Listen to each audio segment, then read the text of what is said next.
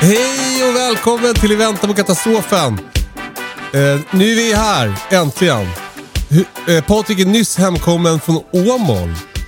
Ja, Be- eh, du kom nu bara.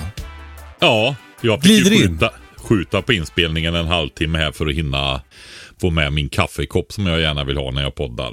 Vad gjorde du i Åmål?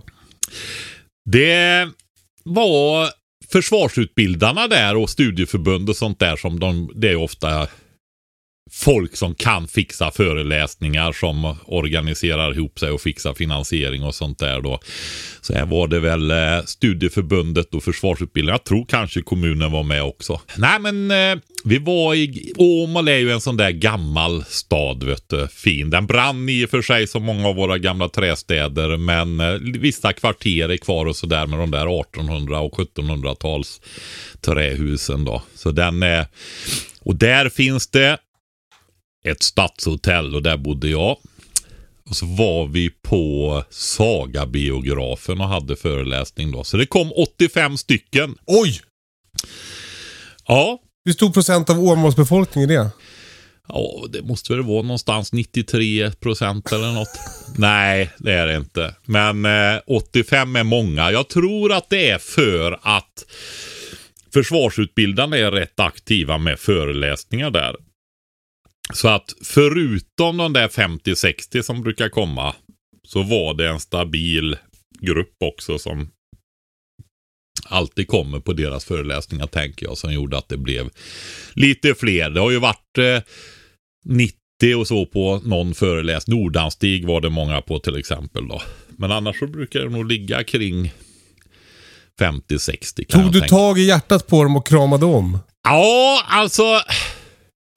Jag satt och reflekterade. Jag körde ju två timmar hem här på morgonen och eh, jag satt och tänkte efter. Dels kom det en, en ung kvinna och ville ta en selfie med mig i början och hon, Ja. hon eh, sa så här att Ja, det var, var lite besvärligt för henne nu då i skede där. Men eh, Alltså i livet? Ja, exakt. Ja. Och, eh, men hon, hon sa till mig, så här, det var en annan som var här och köpte hund som sa det förra sommaren. Men Patrik, du vet, du har berättat precis att det ska bli så som det blir nu, sa hon. Ja. Och jag tänkte, ja du vet, jag håller inte reda på allt jag säger överallt till alla, sa jag då. Men när jag åkte hem, jag tänkte dels på det hon sa där, att vi pratar ju om Ukraina ganska långt i förväg och ränteuppgångar och inflation och ja, det här som faktiskt kommer nu då. Mm. Och sen tänkte jag på föreläsningen med att jag blir skarpare och skarpare. Alltså tydligare och tydligare. Ja, hårdare och hårdare. Därför att eh, Nej men jag har ju haft det här med du vet med lite så som vi kör i podden med lite humor och lite sådär va. Men jag känner att jag är mer sammanbiten. Och jag känner att eh, tiden rinner iväg va. Mm. Man sliter på med podden, med kurser, med föreläsningar och så vidare. Och det är många som hjälper till. Och jag försöker verkligen uppmana alla varje gång att de är ambassadörer och tar det här. va. Var med i medier och sånt där. Men alltså, eh, det är verkligen inte bra. va. Vi måste göra detta nu och det finns ingenting annat. Det finns ingen annan beredskap. Det går ut remisser om hur ett eventuellt civilförsvar ska se ut nu. Mm. Det finns inget försvar. Det finns ingen som eh, har någon mat till dig. Eller andra saker. Finns inga medicinlager. Det finns inte. Finns inte, finns inte, finns inte, finns inte. Det är så. Mm. Och eh, vad är det för jävla befolkning rent ut sagt som bara sitter där med armarna i kors, likgiltiga och nonchalanta inför sina efterkommandes framtid och snart nutid också egentligen va. Det, Men det vore ju så skönt om det bara fortsätter vara som det alltid har varit. ja. Men det det, man är, ju hoppas på. det, det är ju, det, det är ju, det har inte alltid varit så Kalle. Det är väldigt kort tid det har varit så. Mm. Tittar du på alltid så är det ju för fan örfil på örfil på örfil. Mm. Det är det som är verkligheten. Mm. Och eh, nej. Jag bara, om du som lyssnar på det här. se till att förbereda er ordentligt nu. Det blir inte billigare, det kommer att bli dyrare. Ju längre du väntar med att bygga upp lager, lager kostar. Ju dyrare kommer det att bli, ju mindre kommer du att få. Ju tuffare kommer det att bli. Så, så enkelt är det. Så att, eh, och det är just det här att vi måste, om vi ska ha någon beredskap så måste vi göra den. Vi, det är ingen annan här. Vi måste göra den. Och det som jag alltid säger också det här att det är liksom ingen källarföreteelse individuell. Du måste ta ansvaret individuellt. Det är du för det ingen annan gör det åt dig. Så är det. Men vi är så beroende av att det här ska funka. Så vi måste förbereda oss allihopa, även de som inte gör det. Så att de kan fortsätta och lösa sina uppgifter. Va? Så vi kan hjälpas åt. Alltså folk kan ju ingenting längre. De ja. kommer ju inte att reda sig. Det blir ju massaker för böven. Ja. Ja. Men eh, liksom en, en grej som jag kan tycka är som lite stökig med det här, det är att vi har ju haft en kris i närtid. Under pand alltså pandemin var ju en, en, en riktig kris för hela samhället. Och när man tittar tillbaka på den krisen nu, eh, hostandes av den åttonde vågen, så, så känns det som att ganska många människor tycker att samhället överreagerade. Vad säger du om det?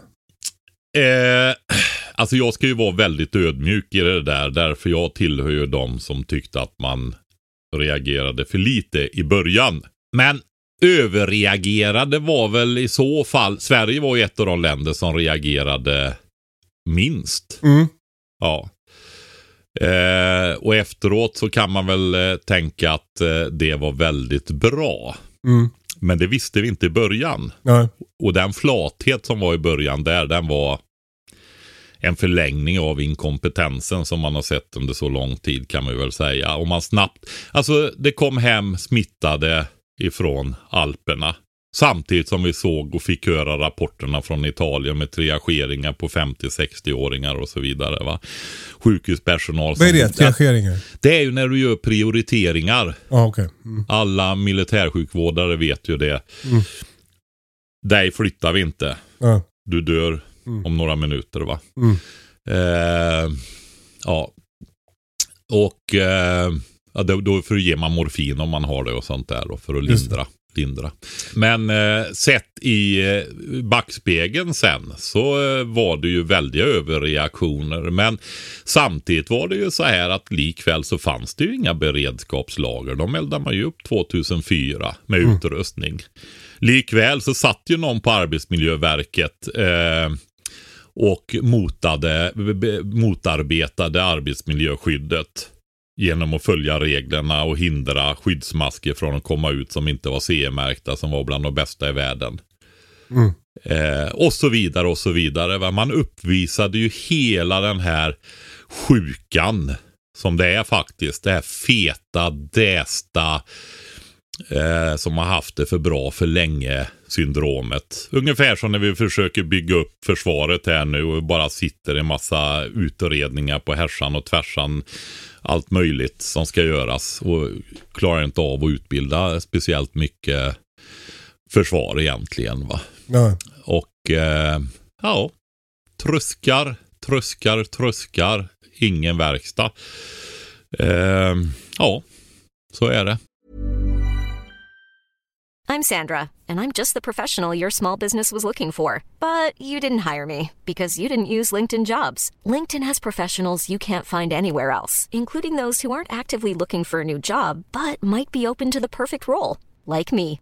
In a given month, over 70% of LinkedIn users don't visit other leading job sites. So if you're not looking on LinkedIn, you'll miss out on great candidates like Sandra. Start hiring professionals like a professional. Post your free job on linkedin.com/people today.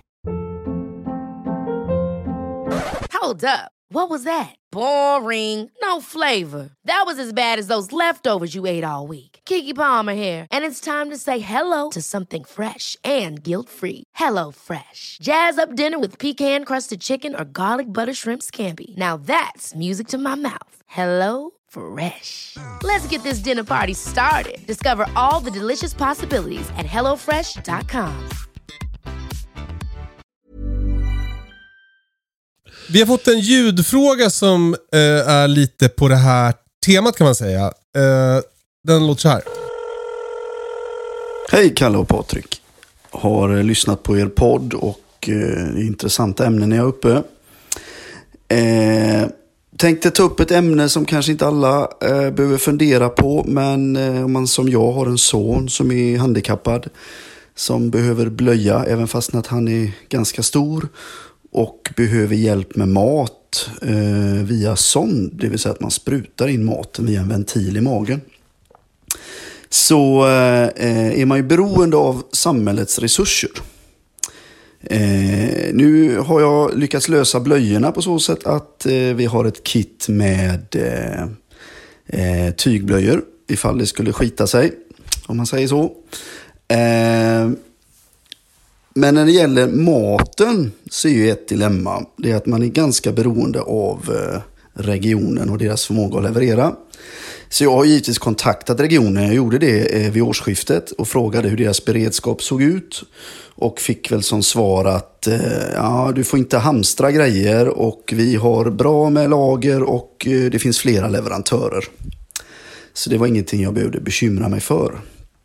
Men redan i somras så har ju då ett speciellt silikon tagit slut för en av de här så kallade knapparna, ventilerna i magen. Vilket gjorde att det var svårt att få tag i sådana här ventiler som måste bytas med jämna mellanrum. Eh, och eh, det löste man väl till slut men eh, nu är det något problem igen. För det är många som inte kan få de här ventilerna. Så eh, ja, vi är inte så väl rustade som vi kan tro. Och att att eh, man som jag då är lite nyfiken och frågar och vill försöka förbereda mig. Det eh, föll väl inte i så god jord när jag pratade med regionen.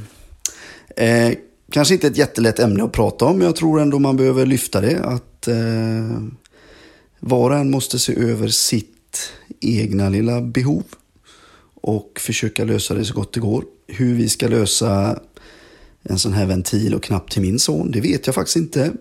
Vi får ju som sagt bara ut när den ska bytas. Vi får inga extra. Så eh, det är ett litet bekymmer. Men eh, tack för en bra podd. Ni belyser bra ämnen och ni gör ett jättebra jobb. Tack! Och vad säger du Patrik? Ja, jag hörde ju inte så bra där, men eh, det är det här att eh, om hamstring kontra lagra själv och eh, eh, att regionen säger att han ska inte hamstra utan det kommer att fungera och finns många leverantörer och sen funkar det inte. Mm. Visst är det så? Ja. Ja.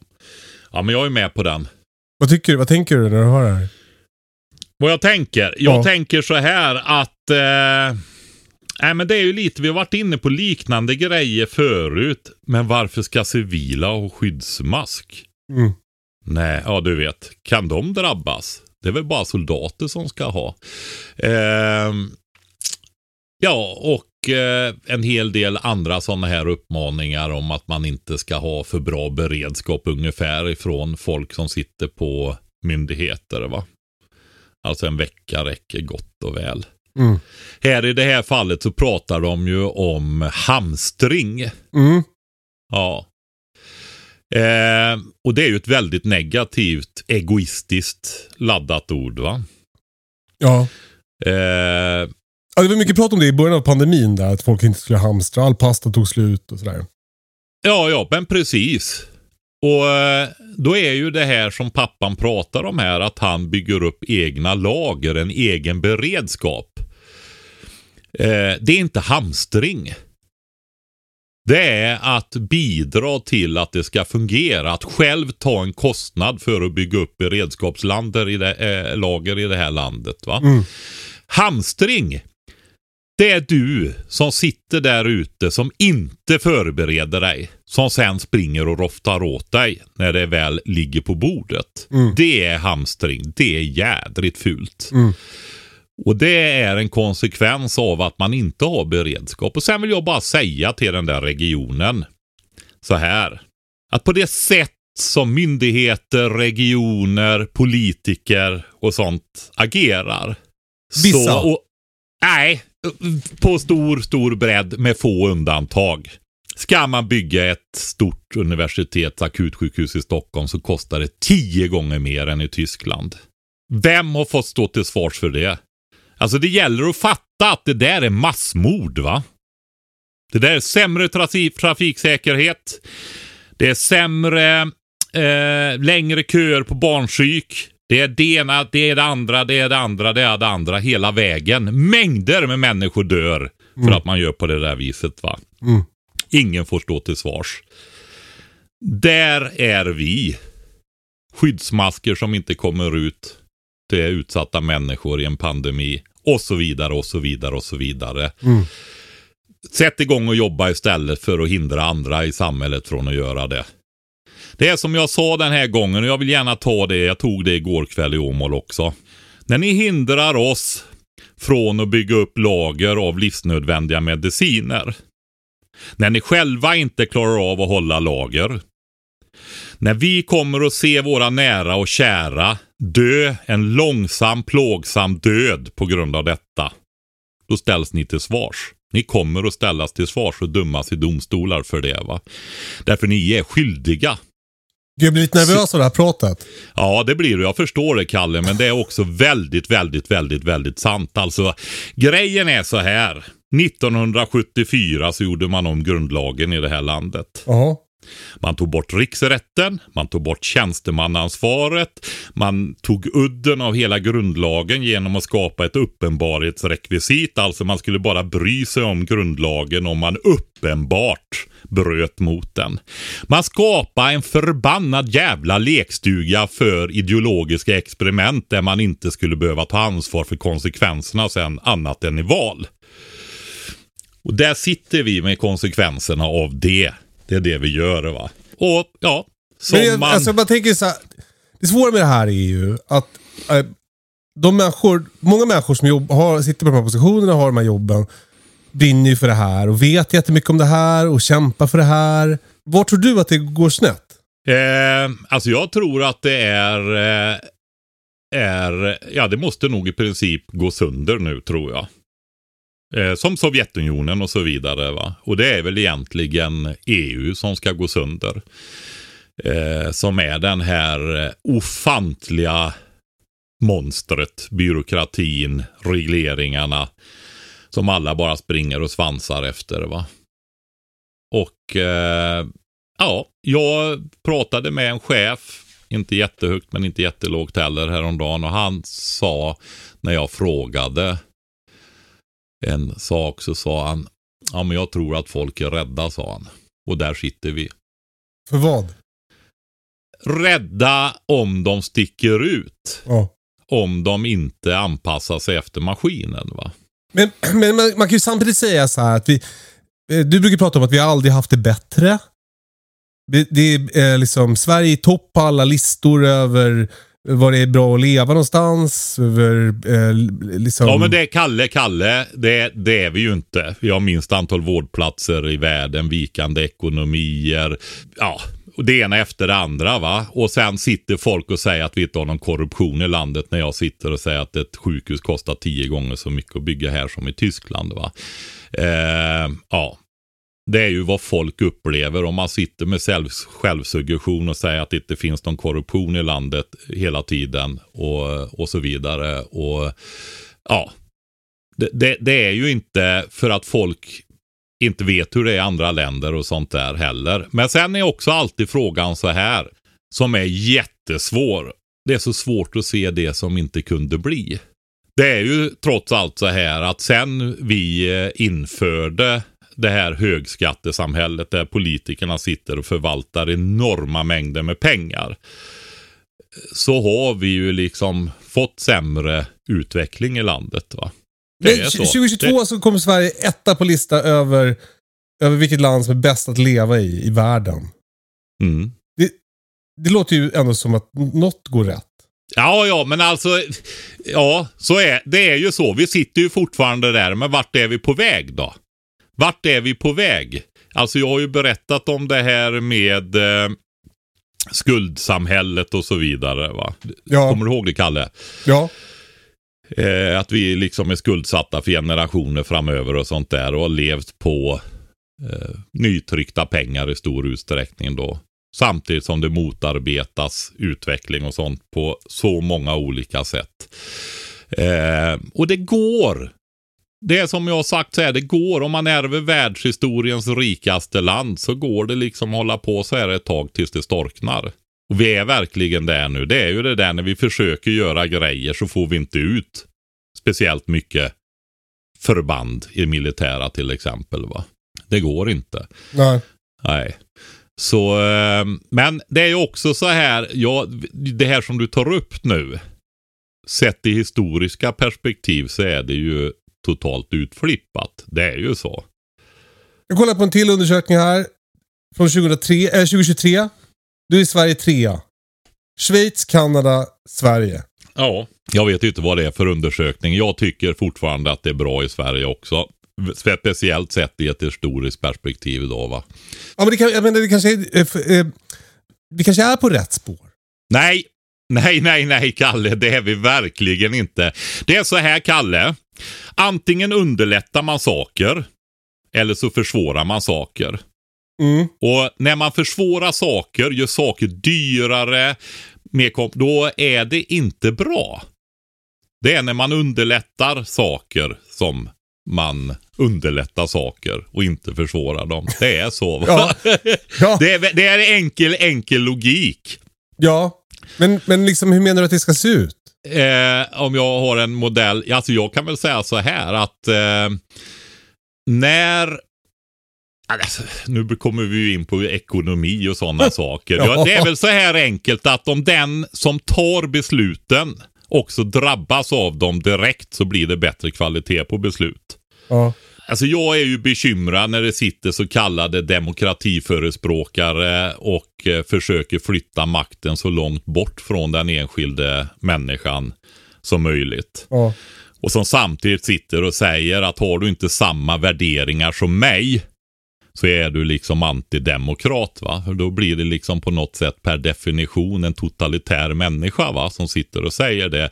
Ja, Men det är väl antidemokrat om man inte tycker att alla ska få liksom, vara med och bestämma? Nej, men alltså om man samtidigt försöker flytta till institutioner där det sitter icke folkvalda och ska ta beslut eh, och så vidare. Eller centralisera och till och med flytta utanför landet fler och fler beslut och så vidare. Då, då, eh, då är det ju inte att så många som möjligt ska få vara med och påverka sin situation utan då flyttar man ju makten ifrån dem istället. Va? Det är ju det som sker hela tiden nu. Va? Fan, jag orkar inte prata mer politik nu Patrik. Nej, men jag tycker inte vi ska göra jag det vill säga en i grej. podden. Och det Ja. är att ni som lyssnar, det, eh, ni kan hålla med eh, vem, vem ni vill och ni kan eh, tycka vad ni vill. Men det är viktigt att alla ökar sin beredskap. Ja, exakt! Exakt! Därför jag tycker inte vi ska prata om detta. Samtidigt så är det också på något sätt så här att man måste kunna prata om saker och man måste kunna ha Verkligen. Olika åsikter och så vidare och fortsätta och fungera ihop för det. Va? Så har det varit förr och så borde det vara fortfarande. Men det verkar bli mer och mer polariserat då. Va? Jag menar, om jag ska ta ett exempel så var det, jag hade ju sån här inspektion för miljö och hälsa, bla bla bla. Så kommer hit och säger att jag måste ha eh, mina dieseldunkar i ett invallat område och att jag inte får ha gödsel liggandes ute och kompost och sånt där. Och det kan man ju bli, det blir, först blir jag liksom provocerad av det och jag blir också förbannad när det kommer en faktura på 7 och 5 för det här. Men samtidigt så tänker jag så här att jag är stolt över att Sverige går i bräschen för miljöarbete, att vi har liksom höga krav på djurhållning, man vill köpa svenskt kött istället för danskt för att man vet att djuren har det bättre i Sverige och sånt där. Så om man bara, jag, jag tänker liksom om man försöker se det i det stora perspektivet så kanske det här med kontroller och så vidare är... Ah, skitsamma, nu pratar vi om musfällor istället. Ja! Eh, därför att vi har ju en rättelse. Eh, vi pratade i förra avsnittet, eller om det var avsnittet innan, om eh, eh, bra musfällor. Och du pratade om eh, den här hinken, alltså en, med en liten landgång som gör att mössen ramlar ner i hinken. Och du sa att man kunde ha eh, vatten och glykol i den. Mm, Och lite glykolen diskmedel, är så- ju då för att få bort eh, ytspänningen då så att de inte orkar Och simma att så vattnet länge. inte ska va? frysa också. Så kan det vara med om man har i sådana fritidshus då. Ja. Men, men Ja. då, är det massa lyssnare som har hört av sig eh, och sagt att det får man inte ha. Det, det stämmer, man får inte dränka mössen. Nej, så är det. Ehm, Man fick det förr. ah, jag, vet, alltså, du, jag vet inte hur gammal den där är. När jag, jag tittade ju på detta. För Ja. Alltså det blir ju det här det, Alltså när man fångar möss och råttor och sånt. eh, Det är ju viktigt att veta att man håller på med jakt då va. Ja. Fällfångst. Eh, nu är ju de undantagna så att man behöver ju inte ha jaktkort just till de här skadorna. Jag tror det är vissa fåglar också. Jag ska inte ge mig in på vilka arter det är men vissa fåglar och eh, råttor och möss då. Och jag tror mössen är specificerade artvis också. Att eh, eh, ja, de får man fånga, men det måste fortfarande vara godkända fällor. Mm. Och det finns ju hos, eh, nu ska vi se, Naturvårdsverket är det va? Eh, så finns de. Och där finns bland annat en av de här vippfällorna då. Det är ju en landgång upp och så vippa ner. Men ja, eh, den är godkänd. Men då måste du fånga de levande och då måste du ha tillräckligt hög eh, hink. Så att de inte kan hoppa, hoppa ur va.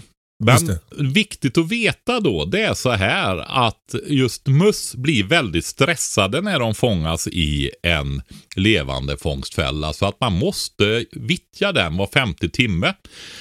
Så glöm inte ställa väckarklockan. För de får magsår. Hörru! Och, Alla hör, eh, att du, alla hör den syrliga tonen Patrik. Nej, jag tycker jag pratar helt normalt. Jag går ju igenom här nu vad som gäller. Och sen är det så här då att när man då går in i städerna sen där det är enorma problem. Ja, Då använder man alltså bekämpningsmedel just det. så att mössen dör ihjäl invetters blödningar under flera dygn innan de dör. Och sen har man alternativ med för de blir resistenta mot det där. Och så kör man med något som stör ämnesomsättningen så att de dör i kramper under flera timmar. Men du får inte använda en mycket välfungerande fälla där de drunknar efter 30 till 60 sekunder. Jag lyssnade på så jävla spännande föreläsning igår på YouTube. Ja, Eh, som var eh, The War on Rats. Eh, att förr i tiden så, alltså råttor har ju alltid varit spridare av eh, sjukdomar. Det kom man på ganska tidigt. mm. Och eh, eh, liksom det internationella samarbetet kring att bekämpa råttor ligger till grund för eh, Världshälsoorganisationen och alla sådana här liksom, eh, internationella hälsoinitiativ. Det grundades liksom i människans försök att kontrollera råttbefolkningen i världen. Och att man l- liksom långt in på, inte långt in, men in på 1900-talet hade speciella dagar i många länder där det var the war on rats. Alltså att Ja, alla men, eh, människor, women, children and men, skulle då släppa allt de hade och göra allt för döda råttor. Mm. Och att, de Alltså- då, eh, att man fick betalt då för, eh, det var skottpengar på råttorna, så man fick betalt för svansar.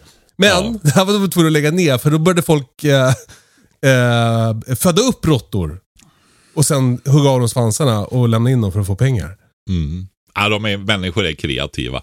Nej, men det är ju så här. Det är ju inte någon sadistisk eh, grej det här med eh, gnagare och även vissa fåglar och sådär då. Utan dels så är det enorm förstöring, skador, brandrisker. Men också eh, väldigt mycket sjukdomar och sånt som sprids. Mm.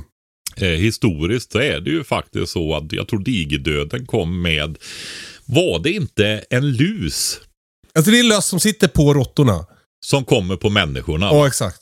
Ja, visst var det den smittvägen? Va? Ja, så att det, det finns liksom en... Eh, eh, och det kan ju vara så att eh, bor man på landsbygden med mössen in på sig och så vidare och även råttor i viss del så är det ett mer påtagligt problem då. Men till syvende och sist så är det så här att eh, jag uppmanade ju egentligen till ett jaktbrott där. Eh, dock omedvetet.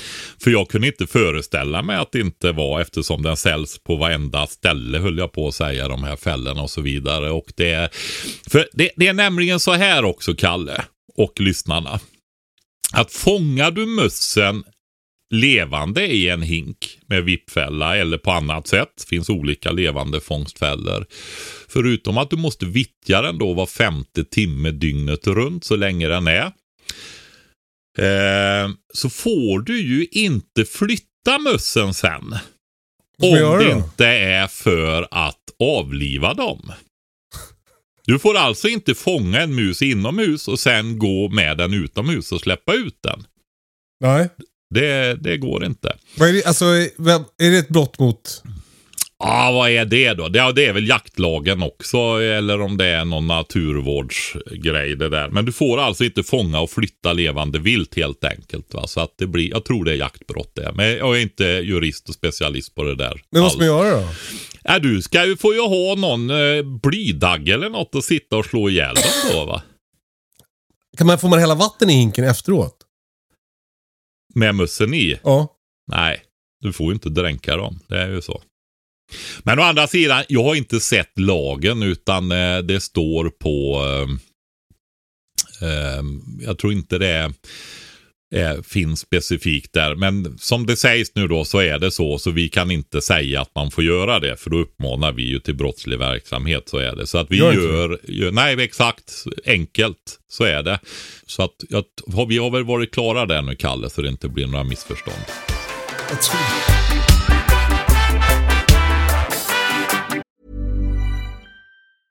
I'm Sandra, and I'm just the professional your small business was looking for. But you didn't hire me because you didn't use LinkedIn jobs. LinkedIn has professionals you can't find anywhere else, including those who aren't actively looking for a new job but might be open to the perfect role, like me. In a given month, over 70% of LinkedIn users don't visit other leading job sites. So if you're not looking on LinkedIn, you'll miss out on great candidates like Sandra. Start hiring professionals like a professional. Post your free job on linkedin.com/people today. Ever catch yourself eating the same flavorless dinner 3 days in a row, dreaming of something better? Well, HelloFresh is your guilt-free dream come true, baby. It's me, Kiki Palmer. Let's wake up those taste buds with hot, juicy pecan-crusted chicken or garlic butter shrimp scampi. Mm. Hello Fresh. Stop dreaming of all the delicious possibilities and dig in at HelloFresh.com. Let's get this dinner party started. This is Paige, the co-host of Giggly Squad, and I want to tell you about a company that I've been loving, Olive and June. Olive and June gives you everything that you need for a salon quality manicure in one box. And if you break it down, it really comes out to $2 a manicure, which is absolutely insane. It's also so easy to get salon worthy nails at home with Olive and June. The difference between how your nails used to look when you did them yourself and now with the Manny system is a complete game changer. The best thing about Olive and June too is it's a quick dry, dries in about one minute, lasts for five days, and full coverage in up to one to two coats. Visit oliveandjune.com slash perfectmanny20 for 20% off your first system. That's oliveandjune.com slash perfectmanny20 for 20% off your first system. System.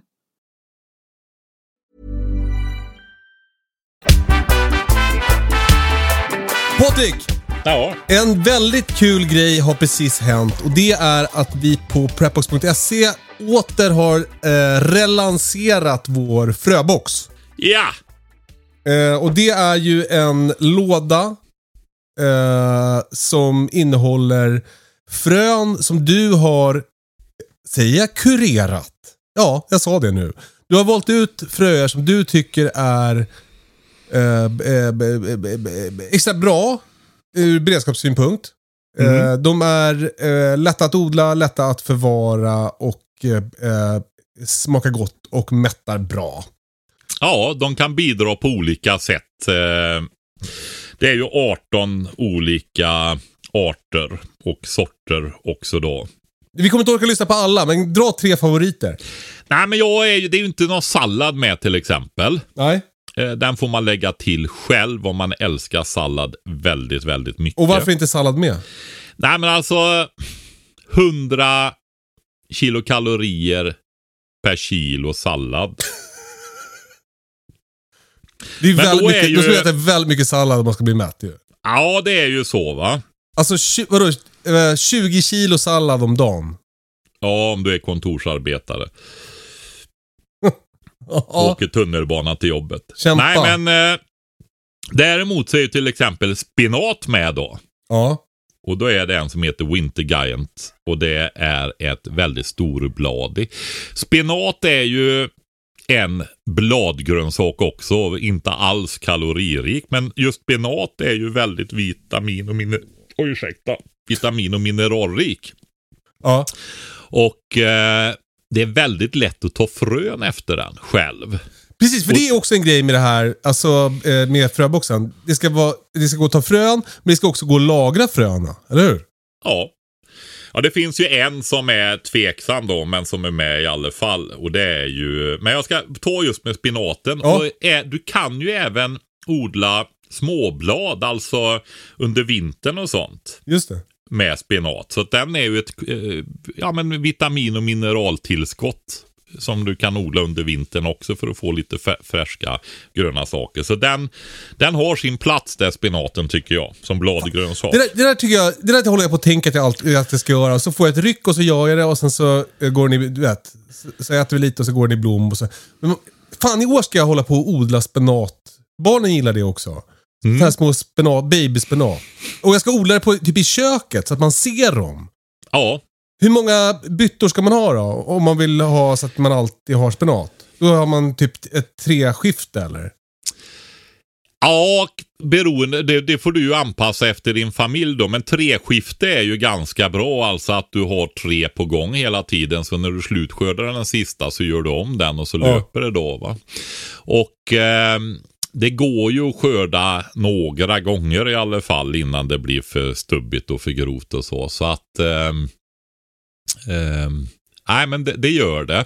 Ja, det är ju samma för oss. Och det är väl, skulle jag våga påstå så, när man har den här livsstilen att du klarar ju inte av att upprätthålla för många grejer kontinuerligt hela tiden. va. Nej.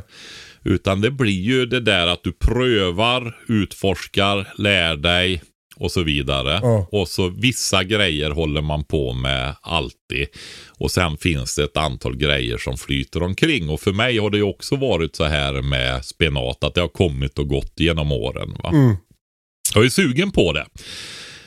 Eh, det, det, det. Får man nämna det att vi faktiskt har tagit fram en sån låda också som är på G som kommer alldeles strax. Ja.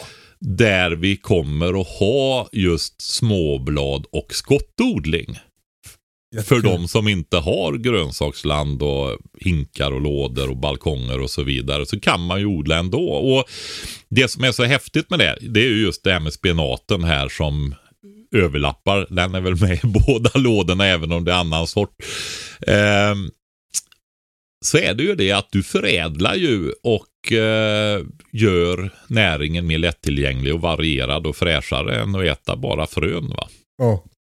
Så eh, skottodling och eh, bladodling går att göra i alla bostäder i princip. Gud vad, vad, vad man blev sugen på den här nästa fröbox. Men du får fråga, eh, behöver man ha lampa om man ska odla spenat i köket? Ehm, alltså vi, vi har ju ett långt land. Eh, söderfönster räcker ju väldigt, väldigt långt. För, för man brukar säga alltså. att inte ska ha för mycket ljus heller. Nej, alltså det är ju det här eh, när du odlar på friland så är det ju en som är för mycket tidigt sådd på våren innan eh, det blir för långa dagar. Ja. Och eh, även sent på säsongen då. Va? Så, så så är det. Vill inte ha för långa ljusdagar kan man väl säga. Så, så den är, men det, är också, det kan jag också säga just när man tar frön. Om du odlar på friland och vill ta eget frö av spenat, för det blir alldeles fullt av frön, sådana här runda frön efter skälken upp då. Där blommorna sitter också. Så gör så här att de första spenatplantorna som går i blom, de rycker du bara upp och lägger som marktäckning i raderna. Och sen, eh, ja, en hel del utav dem som blommar först, för då selekterar du ju bort tidig blomning. Jävla coolt. Och så väljer du ut de plantorna som blommar senare istället och låter dem gå i blom och ta frö ifrån dem. Mm. Så selekterar du fram en senare blomning då. Just i det på det sättet som du själv odlar på den platsen. Blommade du tidigt eller sent Patrik? Jag Ja. Eh, och ibland undrar man ju, har man blommat över och står och vissnar eller vad är det? Eh, nej, man är väl, börjar väl, vad är det, knappt 60. Jag, jag tänker att man mognar faktiskt och sen eh, går det väldigt fort på slutet när man ruttnar. Ja, ja, Nej, men eh, förhoppningsvis så är det väl någonting att eftersträva egentligen. Va? verkligen. Mm. Men eh, ja, när jag tänker på det när man var, var ung så ja. Jo.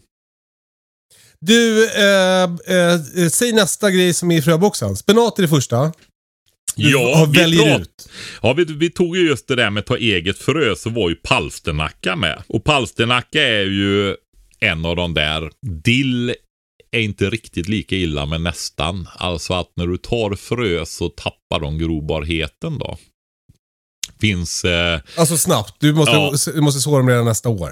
ja helst. Ja. Så är det. Men eh, palsternacka är lätt att ta frö efter. Och det är en av de här som innehåller mest socker. Vilket gör att de tål att stå ute kvar i landet och finnas och skörda som tidiga rötter när det tinar på våren. Och då är den nästan ännu godare. Alltså det är den godaste rotsaken. Ja, ja, du tycker det rent generellt. Ja. Ja, ja jag är väldigt förtjust i palsternacka också faktiskt. Så är det. Eh, och sen är det faktiskt så här att vill du ha frö efter palsternackorna så är det ju bara att låta de där som har suttit över vintern fortsätta att sitta kvar så skickar de upp en buske och blommar och det blir frön som du kan skörda. Det man kan tänka på som en bra grundregel, vissa saker är väldigt inavelskänsliga men om man bara vill komma ihåg en sak så försök ha 15 till 20 planter. Och det gäller morötter, palsternackor och sådana saker. Så att du får en viss genetisk variation, en viss korsning emellan plantorna. Så du inte får inavelsproblem om du ska fortsätta att ta eget frö då. Alltså du måste låta 15 planter stå Ja, gärna 20 också. och gå i blom. Ja, Det är ganska på, mycket plats ändå. Ja, det är det faktiskt. Du behöver ha lite större, eh, ja, som jag och du kanske, om man ska ha utrymme för det. Vissa eh, arter håller ju i många år fröet, speciellt om man förvarar det rätt då. Mm. Så, så då eh, behövs det ju inte. Det är ju också frön, alltså palsternacksfrön i lådan. Så om du inte orkar hålla på att ta frön så, så kan du ju bara köpa lådan. Ja, så länge man kan det. Det här är ju beredskap. Exakt. Ja. Får man Eh, hoppas att någon av grannarna har större och kan hålla på och odla och dela med sig eller sälja lite frö. Den, den tredje sorten som Mm. du eh, vill lyfta fram lite extra. Ja. Eh, alltså det finns ju jättemycket men det som bara hamnade sådär det var ju squash, sommarsquashen, Costata romanesco. Mm. Eh, de som Alltså hur, hur många gånger har jag dragit skämtet prostata romanesco? du, du, du är i alla fall på för många gånger Är det nu femte Kalle. gången eller? Ja, minst. Eh, Alltså Nej, men- romersk prostata, det är... en- det är där man...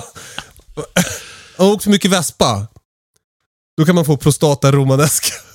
ja, Ja, förlåt. Fortsätt. Det är... Eh...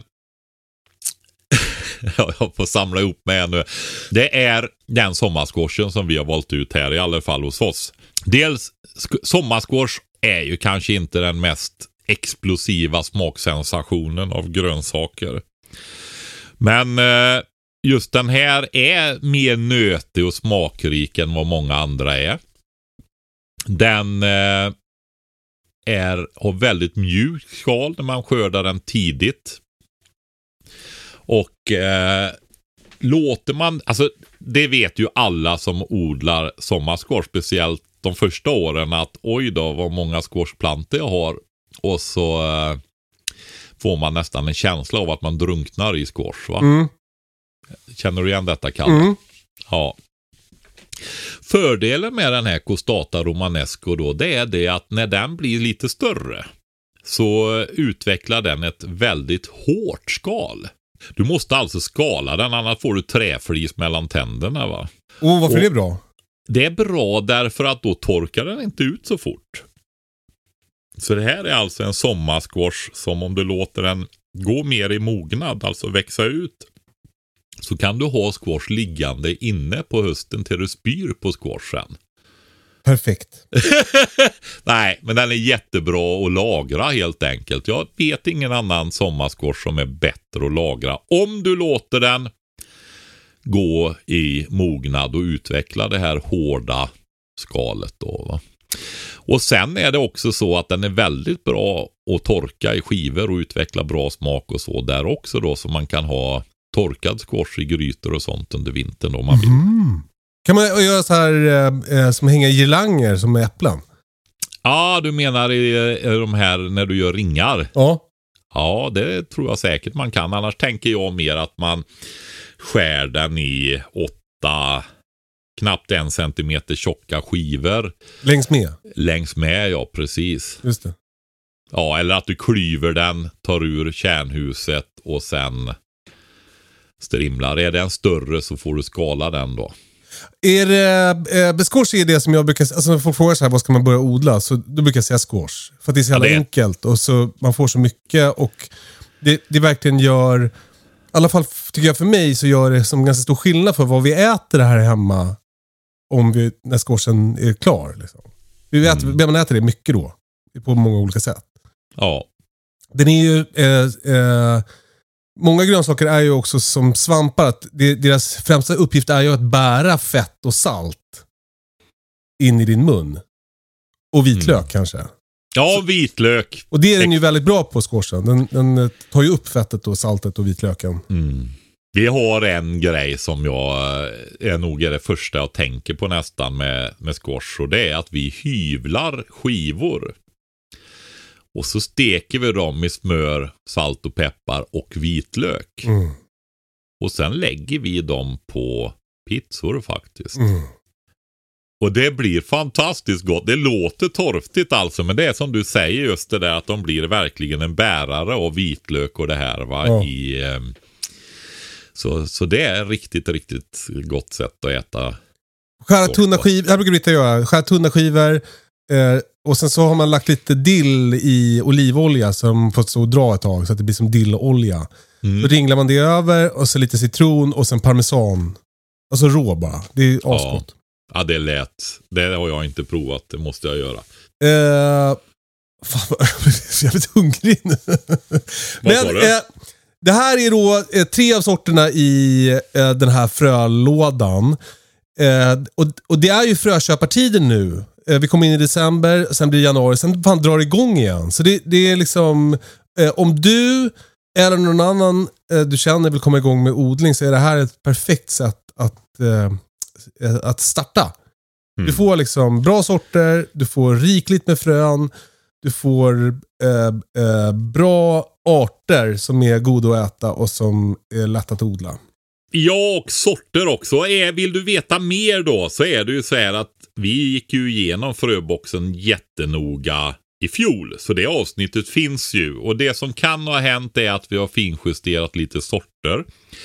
Eh, jag tittar, jag tror att purjolöken är en annan sort nu. Vinterreusen. Och det hör man då att det är en mer vinterhärdig sort som jag ville ha. Eh, Hur gör man för att få upp, alltså jag har massa purjolökar som står i landet nu. Hur de, men kärlen har ju tagit dem så att säga. Ja, Bryta av bara eller? alltså det är ju så om...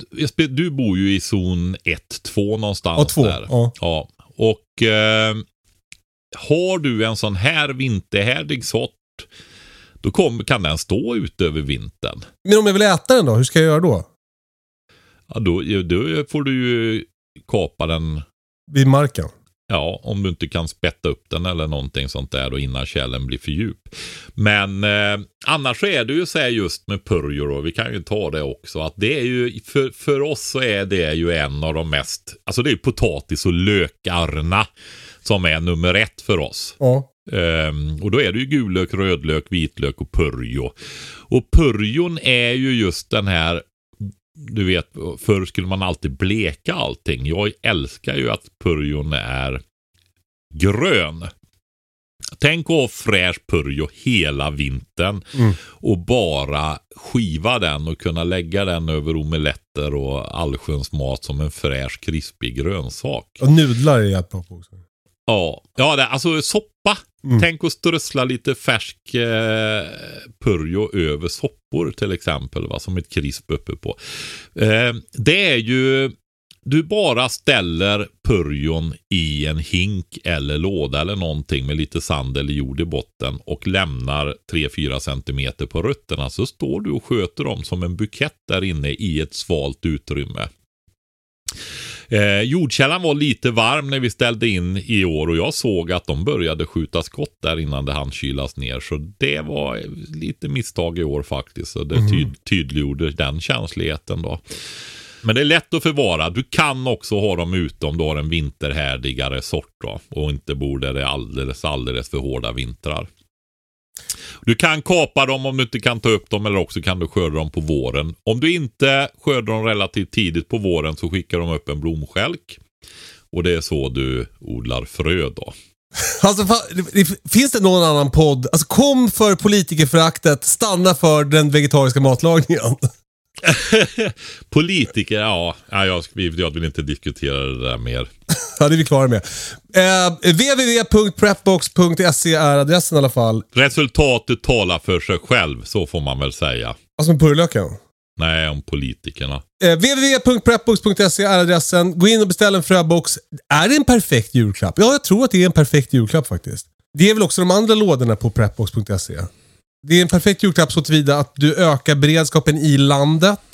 Med fröboxen så ökar du ehm, eh, eh, din närhets motståndskraft och kunskap. Och du stöttar också podden. Ja, så är det. Jag tycker det är, jag har lite svårt att, att göra det där eftersom man jobbar ändå med en, en ganska, eller väldigt idealistisk mission i det här. Det var som jag stod igår i Åmål att ah, jag är, är ju lite partisk här med vattenfilter för jag fick frågor på det. Men Ja, ja, ja. fick ju förklara just det här med värdet av att ha riktiga vattenfilter som man ser att de verkligen fungerar. Helvete, de får inte stå ute. Det är kallt ju. Min, jag har ett som står ut. Mitt, mitt står ute. Fan, då är det förstört ju.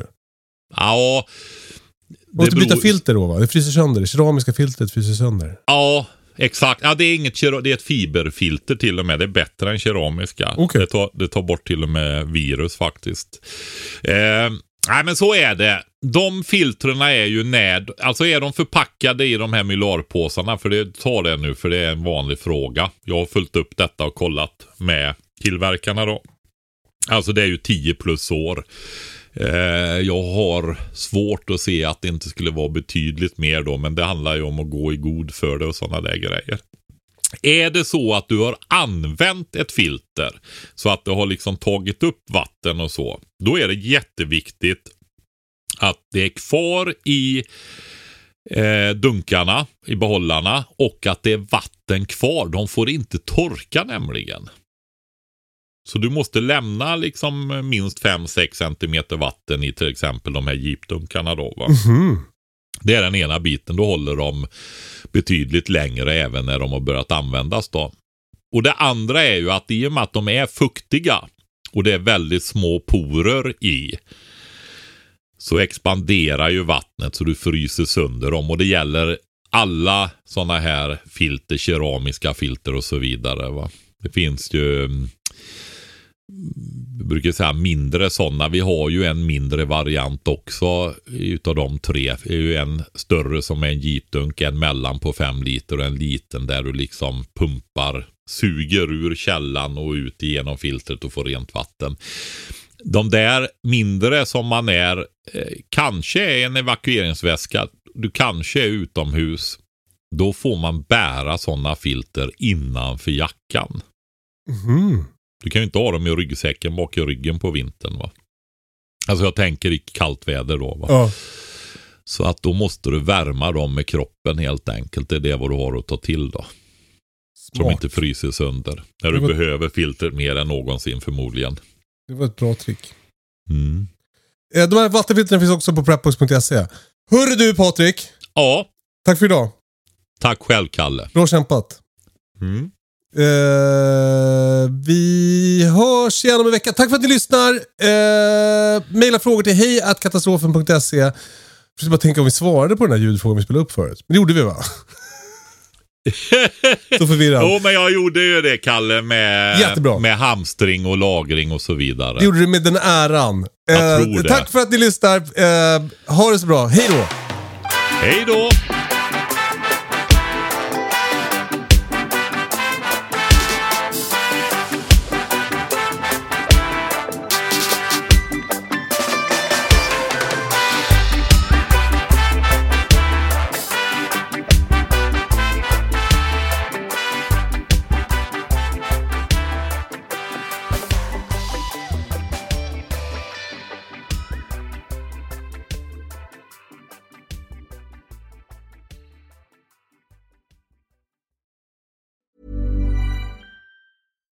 Deserves the best, and there's no better place to shop for Mother's Day than Whole Foods Market. They're your destination for unbeatable savings, from premium gifts to show-stopping flowers and irresistible desserts. Start by saving 33% with Prime on all body care and candles. Then get a 15-stem bunch of tulips for just $9.99 each with Prime. Round out Mom's menu with festive rosé, irresistible berry chantilly cake, and more special treats. Come celebrate Mother's Day at Whole Foods Market. Even when we're on a budget, we still deserve nice things.